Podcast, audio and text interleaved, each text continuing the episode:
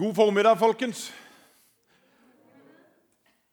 Før jeg begynner å preke, så må jeg bare si at jeg eh, har de siste par dagene eh, vært oppe på Vegard, si, oppe på Vegardtun leirsted. I sammen med en fantastisk herlig gjeng med unge ledere. Stort sett fra 15-16 år og opp til nærmere 30. Og Så spurte de en gammel cal med langt hår om han kunne være med og være forbeder. Og for ei helg det har vært. altså. Eh, en god gjeng her fra Porsgrunn har reist eh, opp der i, sammen med vår nye ungdomsarbeider Jan Einar.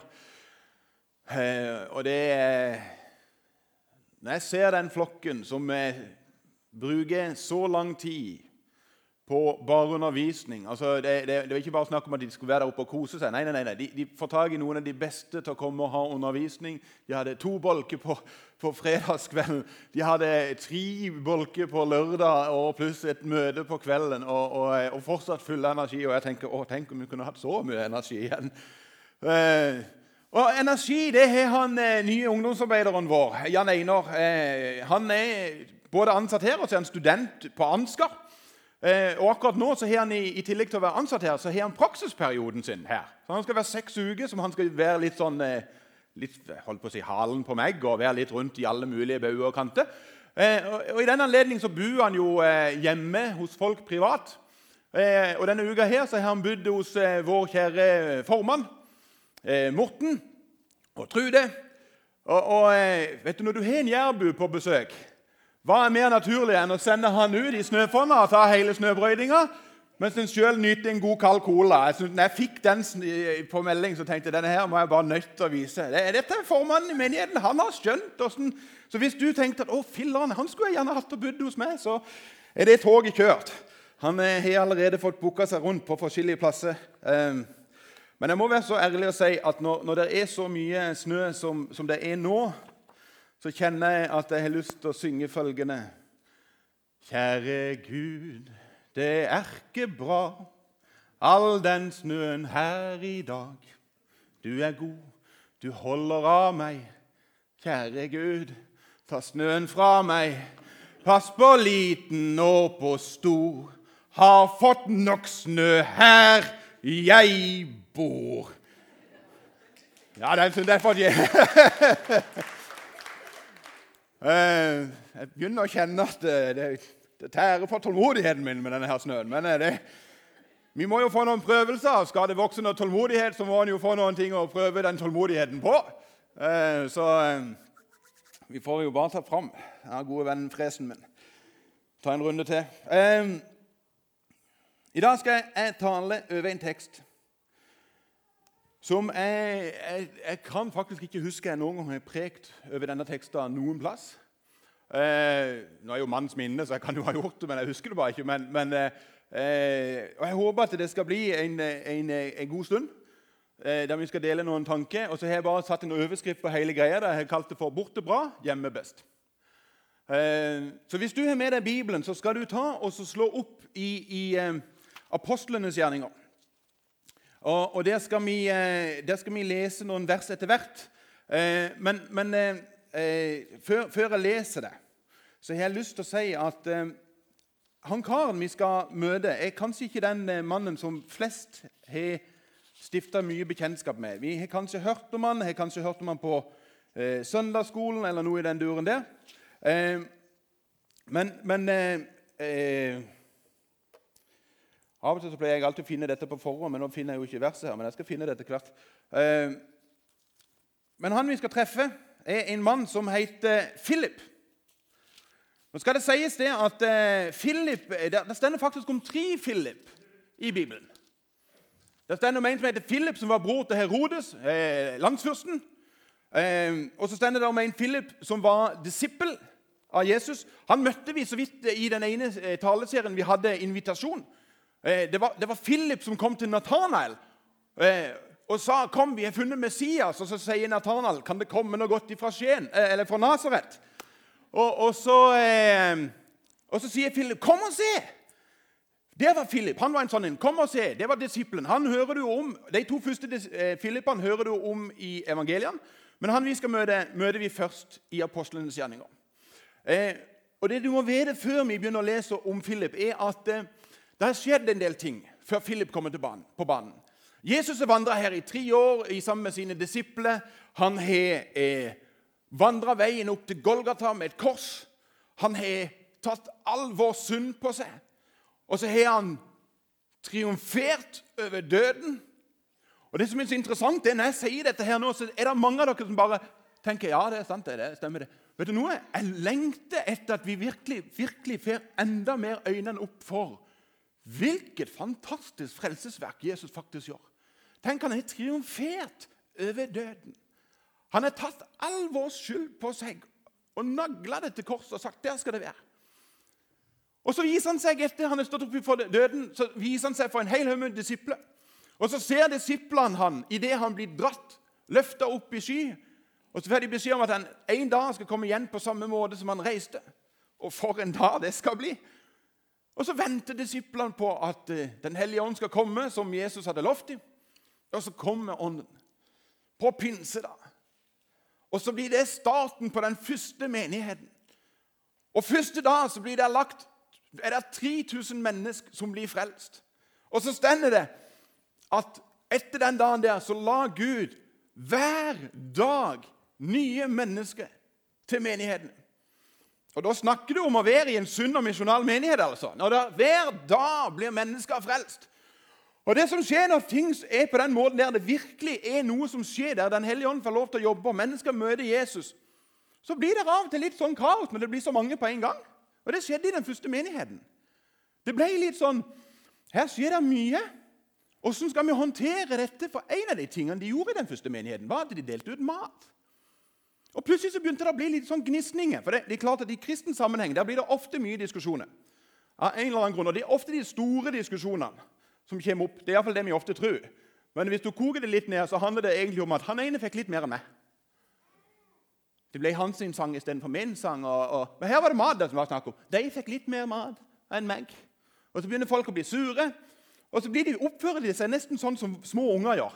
'Han fikk en kjeks mer enn meg! Mamma!' Å, vi må justere mengden med vann i glasset og saft i glasset, og så må vi få det helt likt. Og nå hadde jo ikke disse her første kristne mamma og pappa springer til og sier at nå må du ordne opp i dette. Men de hadde apostlene, de første disiplene. Så de tilkaller apostlene og sier vet du noe, vi må gjøre et eller annet greie med dette. her. Vi må få en orden.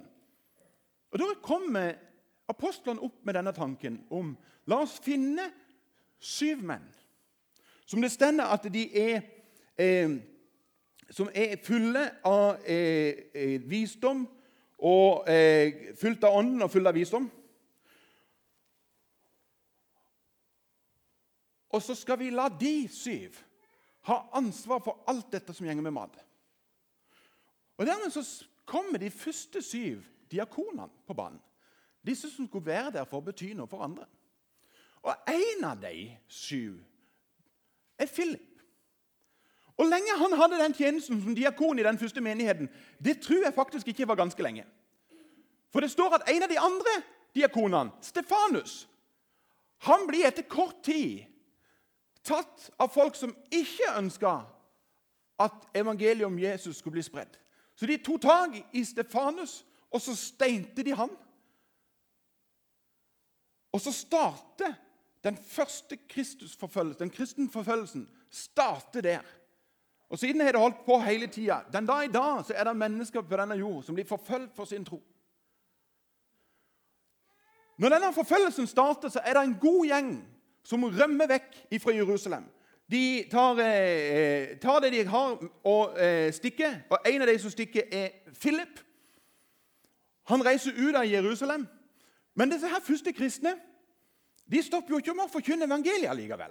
Altså, Som vi las, eh, og som vi sa sist søndag De første kristne kunne ikke la være å snakke om det de hadde sett og hørt. Det de var til tross for forfølgelse, så måtte de fortelle det videre til andre mennesker som de møtte. Philip han tar turen opp til en plass som heter Samaria. Og Der kan vi lese om at Philip står i en fantastisk vekkelse. Du kan lese om de Apostlenes gjerninger, kapittel 8. I en mektig vekkelse. Og det Der skjer det så mye at til slutt så sender de bud på Peter og Johannes, som fortsatt er i Jerusalem om at de må komme opp til Samaria og hjelpe til. Og Peter og Johannes de kommer. Og Det er nå vi skal lese vår tekst. Eh, og du skal, eh, eh for Når eh, Peter og Johannes reiser tilbake igjen til Samaria, så eh, eh, skal vi lese ifra Nå skal jeg få den opp her, så dere kan få lov til å se den. Fra Apostelens gjerning kapittel 8, vers 26 og utover. Og Vi skal lese alt i en sammenheng, og så skal jeg dele noen tanker med dere etterpå. En engel fra Herren talte til Philip, og han sa, 'Gjør deg klar og dra sørover på veien fra Jerusalem til Gaza.' Dette er en øde strekning. Philip gjorde seg i stand og dro av sted. Han fikk se en etiopisk hoffmann, en høy embetsmann som hadde tilsyn med skattkammeret hos eh, Kandake, dronningen i Etiopia. Han hadde vært i Jerusalem for å tilbe. Nå var han på vei hjem og satt i vognen sin og leste fra profeten, eh, Jesaja. Da sa ånden til Philip, 'Gå bort til vognen og hold deg tett opp til den.' Philip sprang bort, og da han hørte at han leste fra profeten Jesaja, spurte han, 'Forstår du hva du leser?' 'Hvordan skal jeg kunne forstå', sa han, 'når ingen forklarer for, eh, det for meg?' Så ba han Philip komme opp i vognen og sette seg ned ved siden av ham. Det stykket i Skriften han holdt på å lese, var dette. Lik en sau som føres bort for å slaktes, lik et lam som tier når det klippes, åpnet han ikke sin munn. Da han var fornedret, ble dommen over ham opphevet. Hvem kan fortelle om hans ett, for hans liv er tatt bort fra jorden? Hoffmannen sa da til Philip, si meg, hvem er det profeten taler om her? Er det seg selv eller en annen? Da tok Philip, Philip Tore. Han begynte med dette skriftstedet og forkynte evangeliet om Jesus for ham. Mens de kjørte langs veien, kom de til et sted hvor det var vann. Og hoffmannen sa, 'Se, her er vann. Hva er til hinder for at jeg skal bli døpt?' Philip svarte, 'Hvis du tror av hele ditt hjerte, kan det skje.' Da sa han, 'Jeg tror at Jesus Kristus er Guds sønn.' Så lot han vognen stanse, og de steg ned i vannet både Philip og hoffmannen, og Philip døpte ham. Da de steg opp igjen, steg opp av vannet, rykket Herrens ånd Philip bort, og hoffmannen så ham ikke lenger. Han fortsatte lykkelig videre på sin vei. Men Philip viste seg senere i eh, Ashdod, og han forkynte evangeliet i alle byene han reiste gjennom, helt fram til Cesarea. For en dag i Philips liv! Tenk å kunne starte dagen med at du får et englebesøk som sier vet du noe, du skal komme deg av sted. Og så skal du få lov til å se noe. Du skal bare reise dit og dit, og så pakker du deg av sted. Og så kommer du dit hen, og så møter du en mektig mann. Altså en, en hoffmann i etiopisk setting. Altså det, det, det, er ikke noen hvem som helst. Og så får han lov til å lede denne mannen her til Jesus. Så får han lov til å døype han. Og til slutt så får han lov til å ta det jeg kaller for Philips-ekspressen.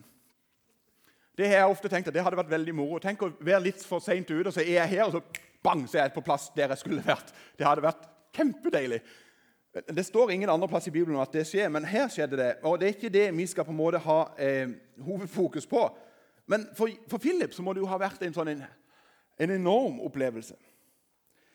Det vi skal ha hovedfokus i, er nemlig noen ting som jeg har stilt noen spørsmål med. Noen har sagt Tore, du stiller mye spørsmål. Men jeg skal gi deg et tips. Hvis ikke du har for vane å lese Guds ord, så vil jeg tipse deg om at det er et veldig bra ting å gjøre. Men når du leser, still deg noen spørsmål, sånn at det du leser, har relevanse for ditt liv. For Hvis ikke så blir det bare en historie om en mann som en dag traff en etiopier. Men still deg spørsmålet hva handler dette om for mitt liv. Og For min del, når jeg holdt på med å, å lese dette, her, så var det et spørsmål som på en måte dukka litt opp i min tanke. Og det er dette her. Hvem går vi på siden av? Hvem er det vi henger på sida av?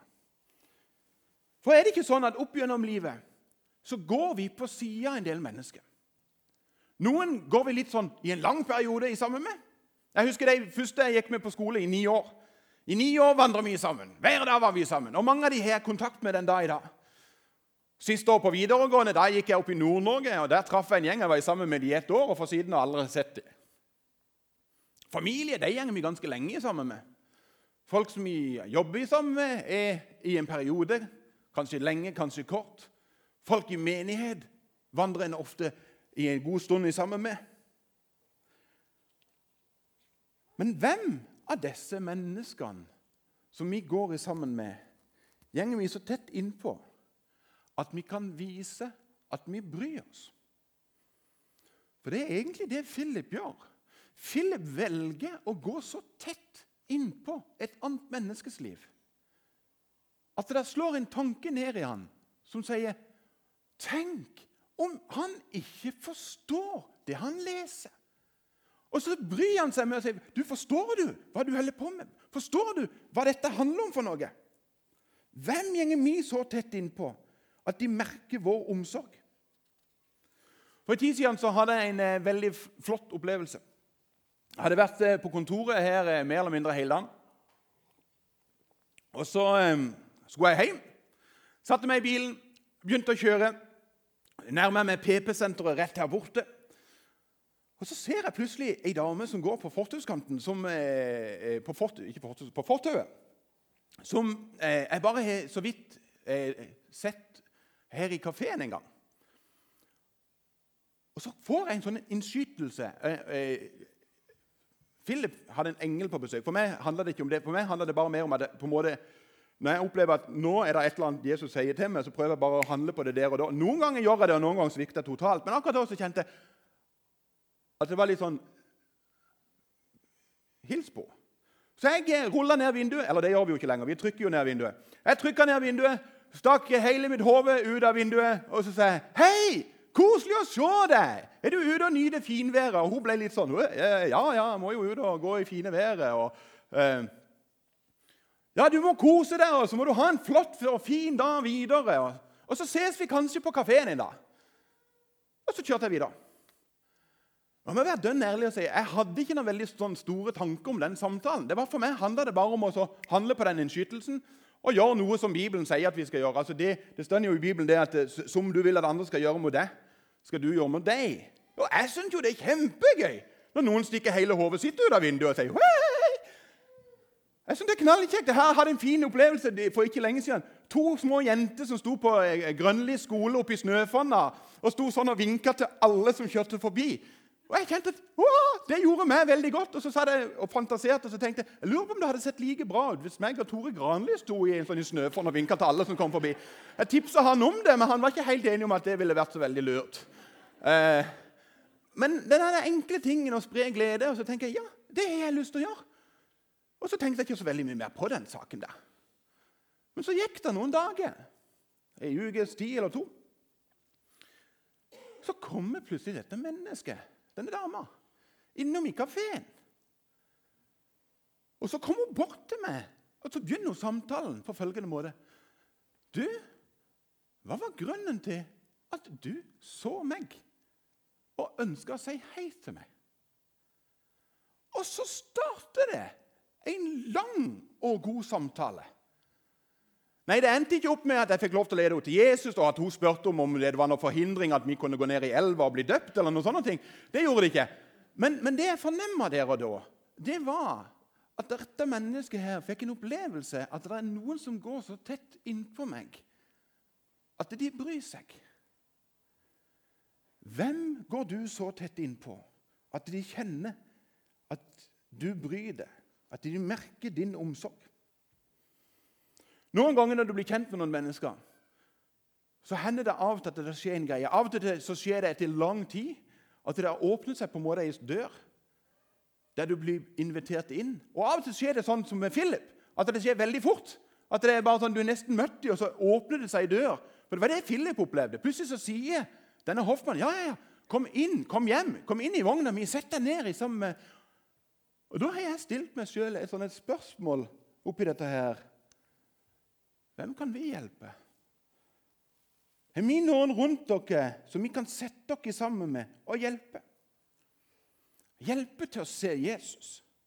Hjelpe til å forstå Guds ord. Kanskje være med å hjelpe og disippelgjøre. Det som jeg tror kanskje er en av de store utfordringene i vårt liv, det er jo at vi har jo ofte så himlende dårlig tid. Jeg har jo nesten ikke tid til det. Har du lagt merke til at Jeg opplever i hvert fall det. Jeg vet ikke om du opplever det, men det hender av og til folk spør meg «Hei, åssen har du det? Og så svarer vi jo alltid «Jo, takk, bare bra. Det er jo det vi gjør. Og så hender det av og til at jeg er ikke så veldig snill. Eh, så jeg kjenner jeg blir litt sånn Åh. Så Når noen spør meg av og til «Hei, åssen har du det?», så kikker jeg på dem og så sier jeg, helt ærlig Har du tid til å høre på åssen jeg har det? Og Da blir de alltid litt sånn Oi. Øh, nei, egentlig kanskje ikke det, nei. Jeg skulle bare si hei, egentlig. Men har vi tid til å se noen? Har vi tid til å lytte til andre? Det er en her i Norge som jeg har veldig sansen for, som heter Egil Svartdal. Han har et program på TV eh, som heter 'Reisen hjem'. Og I et av de programmene der så er han hjemme hos Linn Skåber. Den her energiske, herlige dama som er bare helt utrolig full av energi. Og Så er han på hjemmebesøk hos henne. og Så kommer det noen gode samtaler. Og Så forteller plutselig Linn en sak. Hun forteller om en eh, barndomskompis av seg som hadde et, sånn et åpent hjem. At Hjemme hos den kompisen var det alltid åpne dører. Uansett når. Og Han hadde til og med opplevd at far i huset kom hjem rett før middagen på julaften. Og så sa han vi må sette på, vi må dekke på til to til. Og Da setter Linn øynene i Egil og sier noe som jeg beit meg veldig merke til. Og det var Vi må alltid ha rom til to til. Det må alltid være plass til to til. Så ble det litt sånn for meg. Har jeg plass til to til? Er det plass til det? Plass til å se dem? Plass til å ha tid til dem?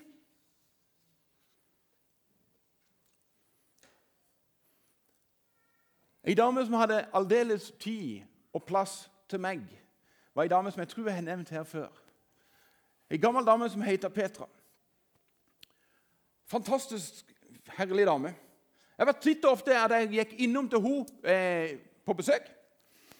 Og, eh, altså, hun var altså så gammel at jeg husker den ene gangen jeg var der, så, så viste hun meg originalutklipp fra Titanic når den sank. Altså, Hun var, huska hele episoden og alt i hop. Og så var det alltid kjekt å være der. Hun hadde tid til meg. Så var det en greie, nesten uten unntak, når jeg skulle gå derifra, så bare måtte hun finne sin bibel. I den grad du kan kalle det Bibel. Altså, det, det, er det mest største lappverket av ei bok jeg noen gang har sett. altså. Det, det var løsark de luxe, og hun var så gjennomslitt at når hun skulle bla, så var det sånn helt forsiktig. Og så måtte hun bare Jeg må bare lese et vers for deg før du går, Tore. Og så las hun et vers med innlevelse og passion og var bare sånn Hør hvor det stender! Og så las hun.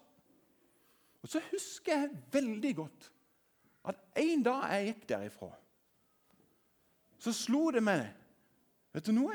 Den der boka der, den må jeg òg lese. Jeg må finne ut hva dette handler om. for noe. Og Så gikk jeg hjem og så fant jeg en bibel og så begynte jeg å lese.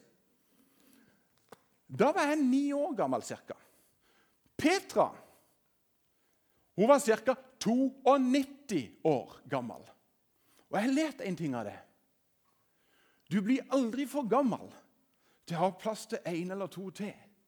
Og du blir aldri for gammel til å være med og disippelgjøre mennesker rundt deg. Det er ingen som har skapt en sånn en bibelpassion i meg som det Petra gjorde, og som jeg er evig takknemlig for. Har vi tid, har vi plass og har vi rom for mennesker i våre liv? Midt i vår travelhet. Philip hadde det. Philip sto jo tross alt ikke glem, Philip sto tross alt i et mektig vekkelse. På mange måter skulle du tenkt at du har jo ikke tid til å gå noen plass nå, for nå står du midt i et viktig arbeid. Men Philip var lydhør, og han hadde plass og rom for en til. Og så gjorde han det samme som han hadde lært av Jesus. For det er en veldig stor parallell til det som Philip her gjør, og en lignelse som Jesus fortalte. Og Den lignelsen har blitt en sånn lignelse som vi som menighet trykka til vårt bryst og til og med kalt den for vår bibelhistorie. Og Det er lignelsen om den bortkomne sauen. Den ene sauen som mangler. Og Så står det i lignelsen at hurden forlot alle de andre for å lete etter den ene. Og det er det Philip gjør. Han lar alle de andre bare være. Og så går han for å finne den ene. Den ene som trenger noen som kan gå på sida av seg og vise omsorg. Den ene som trenger at noen har tid til å hjelpe, til å disiplere og åpne Guds ord for en. Dette er det hva vi som menighet òg er kalt til. Derfor har vi en visjon som heter 'Vi knytter mennesker til Jesus'. Det kan være at det er noen av dere her inne nå som tenker å, kjære med tid, Tore. Det er greit at du stikker hodet ditt, det bustehodet ditt, ut av vinduet og hilser på villfremmede folk. Tore, du er utadvendt. Jeg er innadvendt, sier du kanskje tenker. Um, jeg har lyst til å si to ting til akkurat det. Det ene er den enkle tingen der. Takk og lov at vi er forskjellige. Det her hadde sett veldig rart ut hvis alle var som meg. Jeg sier, I Guds rike så trenger vi noen innadvendte, vi trenger noen utadvendte, vi trenger noen introverte og ekstroverte, vi trenger noen katalysatorer og noen stabilisatorer. Vi trenger hele mangfoldet i Guds rike. Og for det andre så jeg, ler, så jeg har lyst til at vi skal lære en siste ting av Philip. For Philip var ikke en type som bare reiste fra by til by. Det står at han reiste etter denne hendelsen her, så reiste han fra by til by og forkynte evangeliet. Men så står det at han kom til Cesarea. Og i Cesarea der ble han værende. Det ble hans hjemby. Og så kan du lese når du kommer hjem, litt senere i, i Apostelens gjerninger, kapittel 21, så står det at Philip har plass til to til. For da kommer plutselig Paulus og Lukas på besøk. Og Det er godt mer at hadde, de hadde med seg noen flere, men de to var der iallfall. Og Så står det en liten sånn en enkel ting når de kommer på besøk til Philip. Det står det at Philip hadde tre døtre som alle talte profetisk. Vet du hva jeg fornemmer når jeg leser den enkle setninga der? Jeg fornemmer en mann som har stått i store vekkelser. En mann som har vært med i den første menigheten. En mann som har sett utrolig store under. En mann som har stått skulder til skulder med noen av de store profilene i Bibelen. Men det er òg en mann som har sett at det viktigste er hva jeg gjør på hjemmebane. Jeg har tre døtre, og de trenger å se Gud, min Jesus, min frelser. Når vi tenker mye innadvendt og utadvendt, og alt det, men vi har alle en hjemmebane. På den hjemmebanen så kan vi få lov til å dele vår tro. Det er ingen plass som er så viktig å dele tro som på hjemmebane. Kanskje den viktigste av alle. Og Der handler det som sagt ikke om du er utadvendt eller innadvendt. Der kan vi få lov til å dele vår tro med de som sitter rundt vårt bord. Der kan vi få lov til å dele Guds ord sammen. Der kan vi få lov til å be i sammen. Der kan vi få lov til å fortelle om hva Jesus har gjort i vårt liv. Der kan vi få lov til å inspirere hverandre til å se en større Jesus. Det er noen ting jeg husker veldig godt fra mamma da jeg var liten. Når pappa hadde gått på jobb veldig veldig tidlig før vi andre sto opp, så skulle vi ha frokost, vi andre. Når alle satt rundt frokostbordet, og mamma hadde smurt mat til alle i hop, da folda mamma hendene. Og så ba hun. Så ba hun for hver enkelt av oss. Så sådde hun en del ting ned i oss om hvor det er viktig å starte henne. Hva som er de viktigste tingene i livet. Når jeg kom hjem fra Petra og prøvde å finne meg en gammel bibel, så fant jeg en av de denne skikkelig gode gamle der det står 'i' og 'eder' og deres. og alt det der. Og Da sier man her, så skal du heller få, så ga hun meg et Nytestament, og så hjalp hun meg til å vise hvor jeg kunne begynne å lese. Og Så kunne hun spørre meg av og til hvordan er det med lesinga di. Og så var hun med og oppmuntra. På hjemmebane, folkens, så har vi en fantastisk mulighet til å være med og dele tro. Til å vise at vi bryr oss, til å vise at vi kan være med og hjelpe. Til å gjøre det samme som Philip. Fortelle om hvem Jesus er. Hva han har gjort for oss, og at han lever og er virkekraftig. Borte bra, men hjemme best. Ja, vi skal få lov til å bety mye for mange her i Porsgrunn. Men mest av alt så er vi kalt til å være mor og far, bestemor og bestefar, tante, onkel. Om ikke du har noen barn i ditt familiære setting, jeg garanterer deg, du kan være en åndelig mamma og pappa for et nabobarn. Kanskje du kan være Petra for en unggutt som springer rundt i nabolaget. Borte bra, men hjemme best. Du kan være med og vise omsorg. Du kan være med og hjelpe. Så skal vi reise oss opp og så skal vi synge sammen og så skal vi be sammen.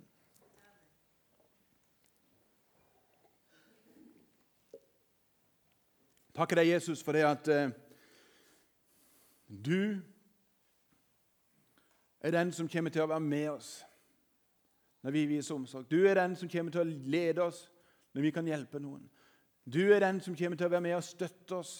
Du er den som kommer til å være med og hjelpe oss. Du er den som kommer til å skape den frukt som trengs i vårt liv for at vi kan bety noe for de rundt oss, Jesus. Jeg ber deg, Jesus, om at eh, vi har et fokus på det som skjer rundt oss, Jesus. Men hjelp oss aldri til å glemme det du har satt oss i vår aller nærmeste setting, på hjemmebane. Og La ditt ord få stor plass, Jesus. Hjelp oss til å tale sannferdig om deg hjemme. La det ikke bare bli med et enkelt bordvers, men la ditt navn få lov til å runge. Hjelp oss til å vise neste generasjon hvem du er, og hva du er for oss. Jeg takker deg, himmelske Far, for at du er vår Herre og Frelser. Jeg takker deg for din nåde som er ny hver dag. Jeg takker deg for det at vi kan få lov til å kjenne at du er en levende Gud. Det priser jeg deg for. I Jesu navn. Amen.